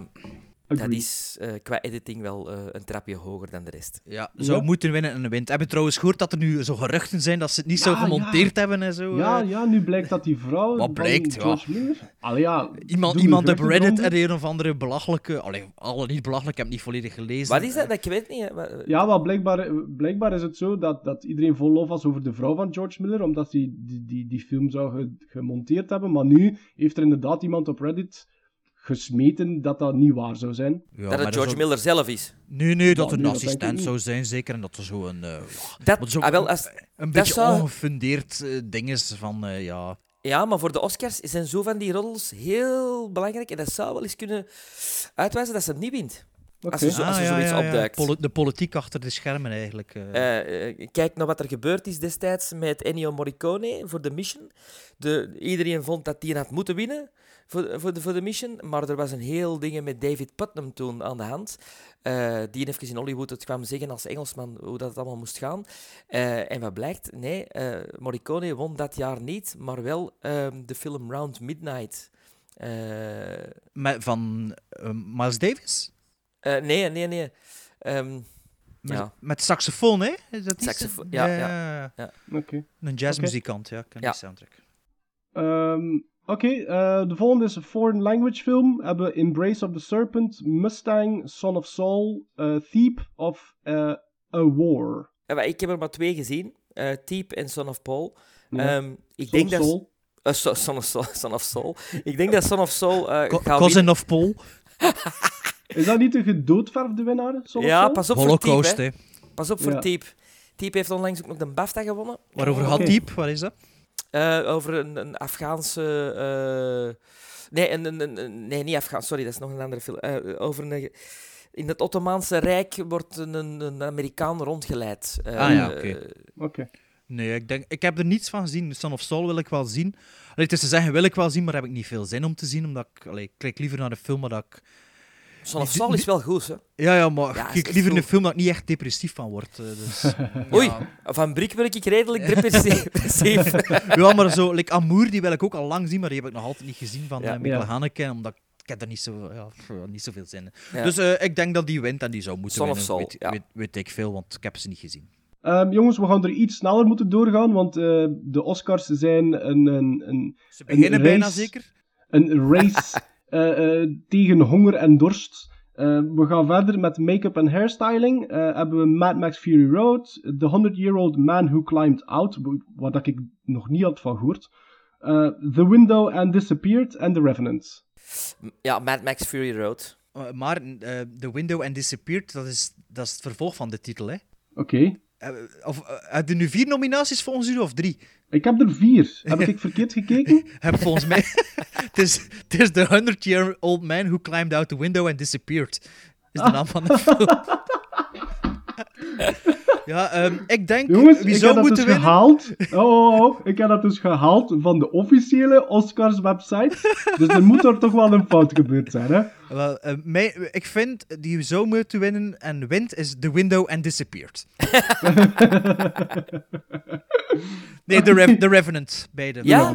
Ja, Nee, maar nee. Ik, ik ken geen oog voor haar. Ik denk Mad Max. Ik denk Mad Max. Maar er zit er te weinig haar in. Misschien dat ik daarom denk dat dat misschien niet. Misschien. Ja, maar ik ken iemand die daar ook make-up heeft gedaan, dus ik gun het haar. Oké. Mad Max voor mij ook. Eh, music, original score, eh, Bridge of Spies, Carol, The Hateful Eight, Sicario of Star Wars. Ik hoop dat Morricone zijn Oscar eens wint.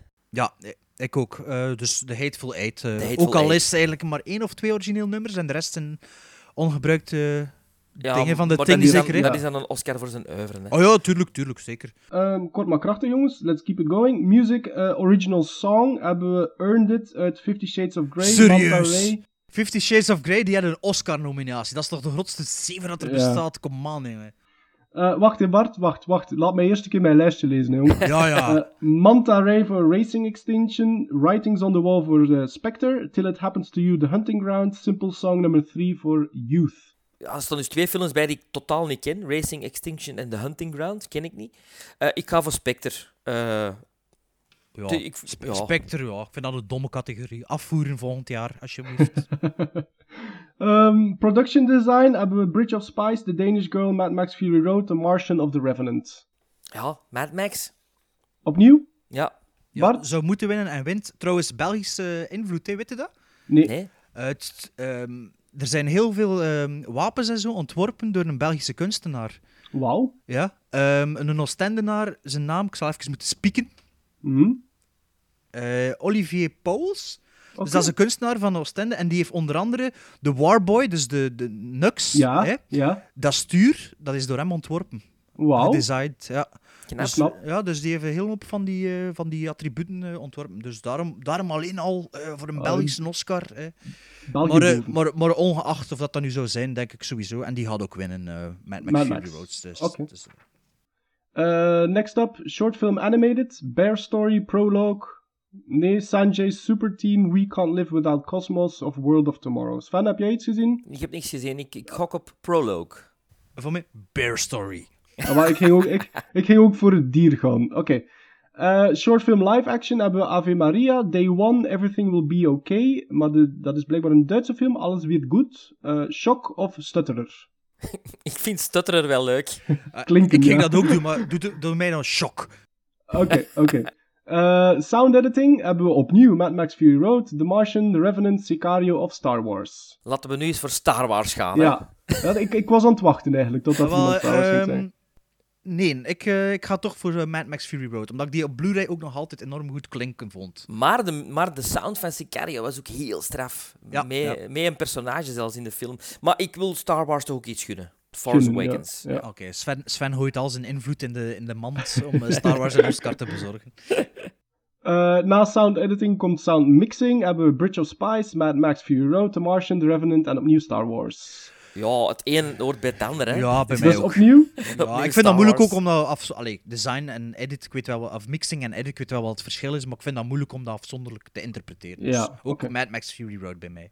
En bij mij ook Star Wars. En Star Wars. Oké. Visual effects. Dat is misschien ook een leuke. Ex Machina, Mad Max, eh, Fury Road, The Martian, The Revenant en Star Wars. Moeilijker? Moeilijker. Moeilijker. Ik vind Ex Machina echt wel heel straf.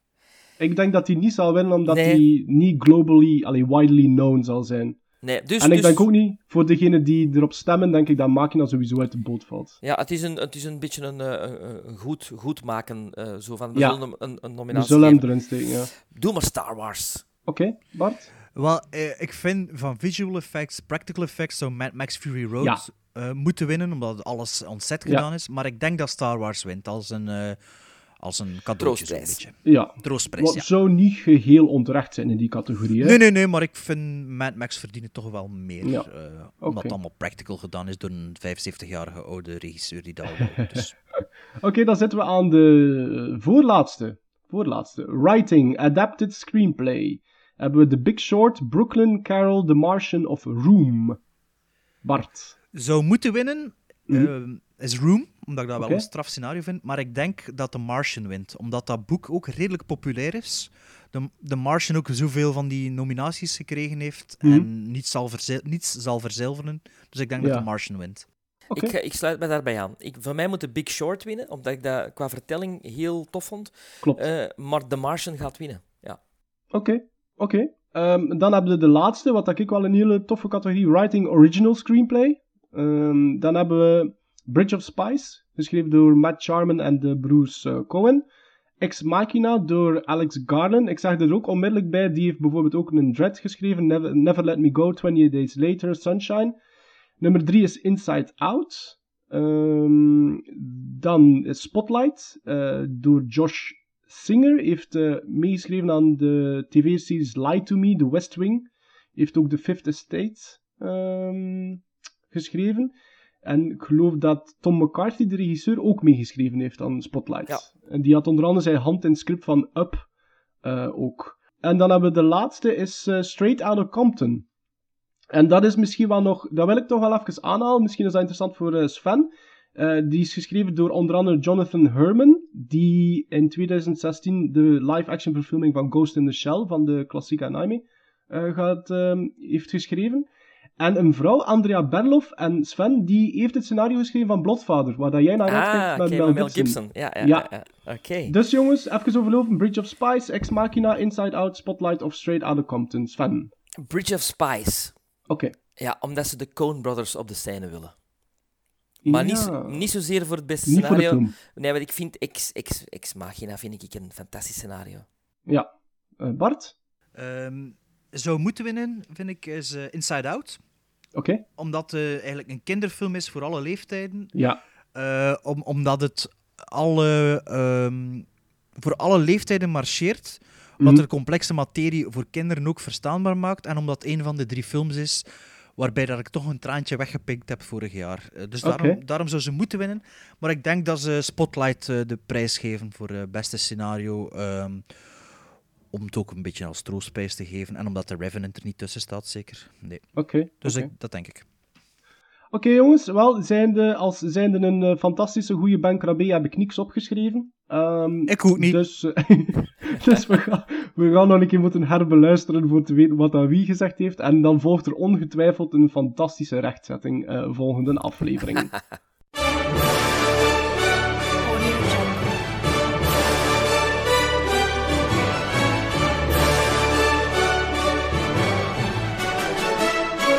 And the Oscar goes to The Room. You are tearing me apart, Lisa! I don't know.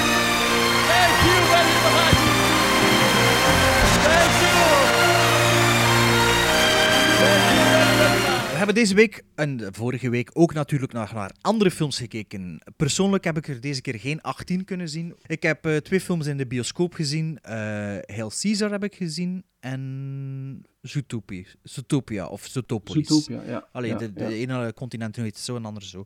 Ehm, ik heb ook Philomena gezien van Stephen Frears, als ik me niet vergis. Ja, Stephen Frears.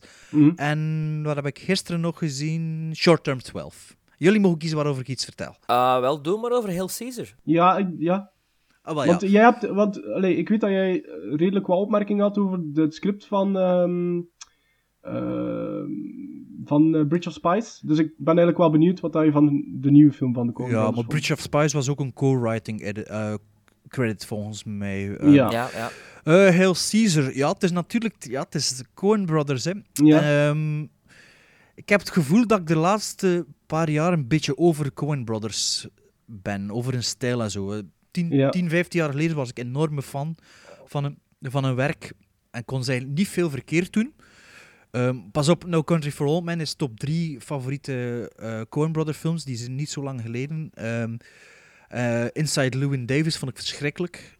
Ja. En A Serious Man vond ik wel heel goed. Dus het is, het is niet per se zo dat ze de laatste jaren slecht eh, gedaan hebben. Maar ehm, nee, het is een ensemblefilm een beetje. Nee. Het zitten stukjes musical in, dit, dat. Natuurlijk onder de noemer van... eh, we zitten op een Hollywood eh, soundstage Set, ja. set. En ehm, er zitten elementen Big Lebowski in, er zitten elementen eh, Burn After Reading in, een beetje Mm. paranoïde eh, communistische toestanden. Er zit een religie in, er zit een hele goede scène in het begin van de film, waarbij dat de verschillende hoofden van de verschillende eh, belangrijkste religies een zegje hebben over het scenario. Grappig moment. Ik heb verschillende keren luid op moeten lachen. Eh, Scarlett Johansson zit erin, dus dat is altijd al een plus. Nee, ehm, bekijk het thuis, zou ik het zeggen. Of nee, naar de zaal gewoon om, eh, Toch. gewoon om, om Hollywood op die manier een beetje Ja. te steunen en niet naar de Avengers 6 te gaan of zo. Dus, eh, dus zeker al in de zaal zien, ehm, maar eigenlijk wel niet eigenlijk. eh, maar Sven, wat heb, je, wat heb jij nog gezien? Ik heb The Revenant gezien eh, in, de, in de bioscoop. Eh, Mhm. Ja, dat heb je er juist ook bij de Oscar-nominaties ook al gehoord, dat ik dat wel een straffe film vind. Ehm, Ja. Straffe prestaties, eh, gaat Oscars winnen en, en zal wel in de lijstjes komen van de we- ah, ja, beste films van, van, eh, van dit jaar. Ja. Maar ik heb iets heel vreemd gezien ook. Ehm, Ah. ik- ja, een film uit 79. De, de Engelse titel is The Visitor.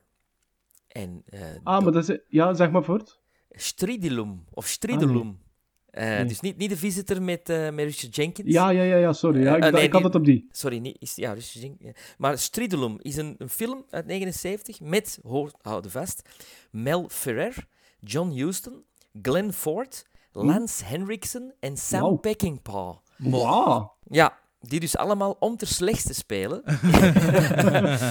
in deze zeer vreemde, van Italiaanse origine ehm, eh, B-horror slash science fiction slash fantasy film. Het is een beetje The Exorcist op LSD. is het Roger Corman die het geproduceerd heeft, Nee, of niet? nee, nee, nee, nee. Het is Italiaans, eh, Italiaanse Mm. producers. Het, het, het verhaaltje is een beetje Firestarter-achtig. Het gaat over een meisje met telekinetische gaven. Ja. Ehm, maar het is een spelletje tussen, tussen God en de duivel. Die dus eigenlijk het meisje eh, laten geboren worden en dan zien wie eh, er gram zal halen. Oké. Maar het is een uh, aaneenschakeling van hysterisch gekrijs. ehm, eh, elektronische muziek en kleuren eh, die doen. eh, kleuren van de film is een combinatie tussen Flash Gordon en Krul. Eh, ja, ja, ja, ja, ja, ja. ja. Echt heel vreemd en je moet het eens bezien om. om... Traag ook, of niet? Is het een Heel traag. Ja, want Krul, die heb ik vorig jaar... Dus het is zo'n film met een synopsis die wel aanmanen voor eens te kijken, wel, ik. Gewoon voor eens te kijken en Ja. voor eens, is het gewoon John Huston, Glenn Ford, Lance Sam Henriksen. Peckinpah. Pe- ja, echt. Ja. Ja. Ik heb er ook nog twee gezien, buiten ja, wat dat we dan Brick and Lansky hebben gezien. we moesten Eh, zien. Moesten zien. Eh, ik heb de Dallas Buyers Club opnieuw, allee, ik heb die herbekeken. eh, met, ehm, help mij eens uit mijn eh, lijden, is het nu Matthew McConaughey of Matthew McConaughey? McConaughey. Hey. McConaughey. Ja? Ah, oké. Ja. Oké. Ehm, gaat over ehm vertolkte personage, is op waar gebeurde feiten. Vertolkte personage van Ron Woodruff, eigenlijk een, een echte Amerikaanse man, mechanicien die graag naar de rodeo gaat en daar helpt. En die eh, wordt besmet met het HIV-virus, die eh, dat ook overgaat naar het effectieve AIDS. Ehm, en die eigenlijk een soort van crusade begint eh, voor het importeren van medicijnen die eigenlijk helpen, maar nog niet zijn toegelaten door het Amerikaanse FDA. Ehm, ja, heb ik herbekeken, ik had er nog geen zin in.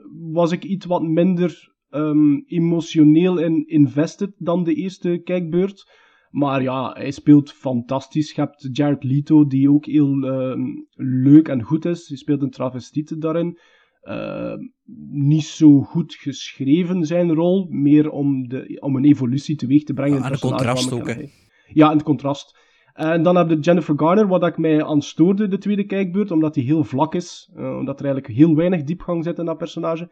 Maar overal wist het mij nog altijd eh, te bekoren. En dan de tweede is, eh, ik heb vorige aflevering aangehaald dat ik wel heel graag naar documentaires kijk, heb ik Im Keller gezien, vertaald als In the Basement. Ah ja, ja. Eh, dat is een film van Ulrich Seidel, die jullie misschien, of misschien best gekend is door zijn Paradise-trilogie. Je hebt, eh, Paradise Lost? Nee. Nee, je hebt Paradise, Paradise Love, Faith en Hope. Alle drie En die gaan, ah, die gaan allemaal over een bepaald omlijnd thema. Voor mij de uitschieter is daar Faith in. Dat gaat over... Dat is nogal redelijk bizar. Het gaat over een, een oudere vrouw al. En haar man is, eh, zit in een rolstoel. Die is, die is gehandicapt of zo.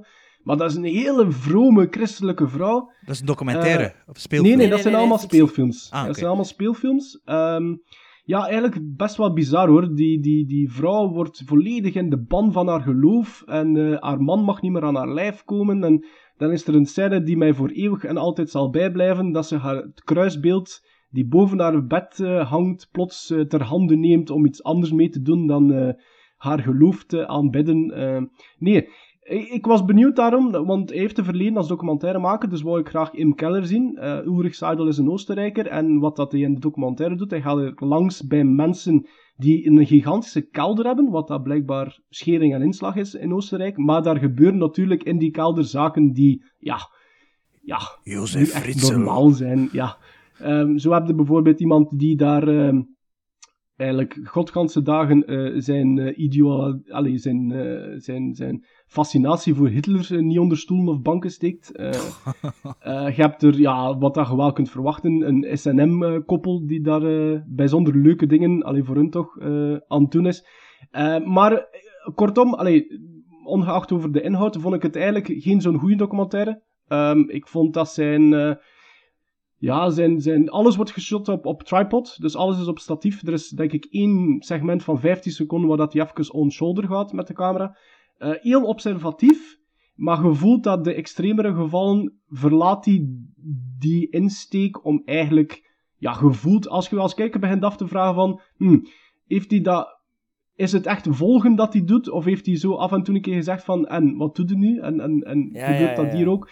De grootste doodsteek is, is, is het feit van, eh, ik had het juist over die, die SM, dus een dominatrix en een slaaf eigenlijk. En je ziet gewoon dat dat, dat ook in huis gebeurt, dus dat niet volledig toegespitst wordt op de kelder. En dan had ik zoiets van, oké, maar dan verlaat eigenlijk uw concept. Dus niet zo goed eigenlijk, uiteindelijk. Voilà, dat was het. Oké. Ik kijk vooral uit volgende week naar Mel Brooks. Ja, ik ook. Ja, ik ook.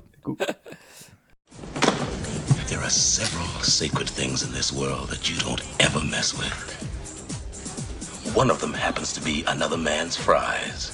Now you remember that, and you'll live a long and healthy life.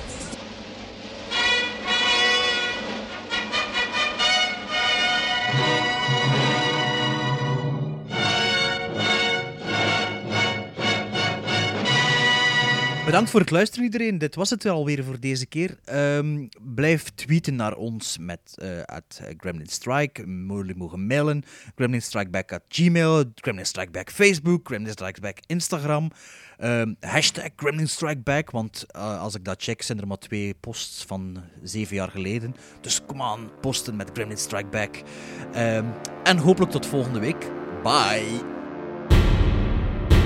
Now, was that civilized? No, clearly not. Fun, but in no sense civilized.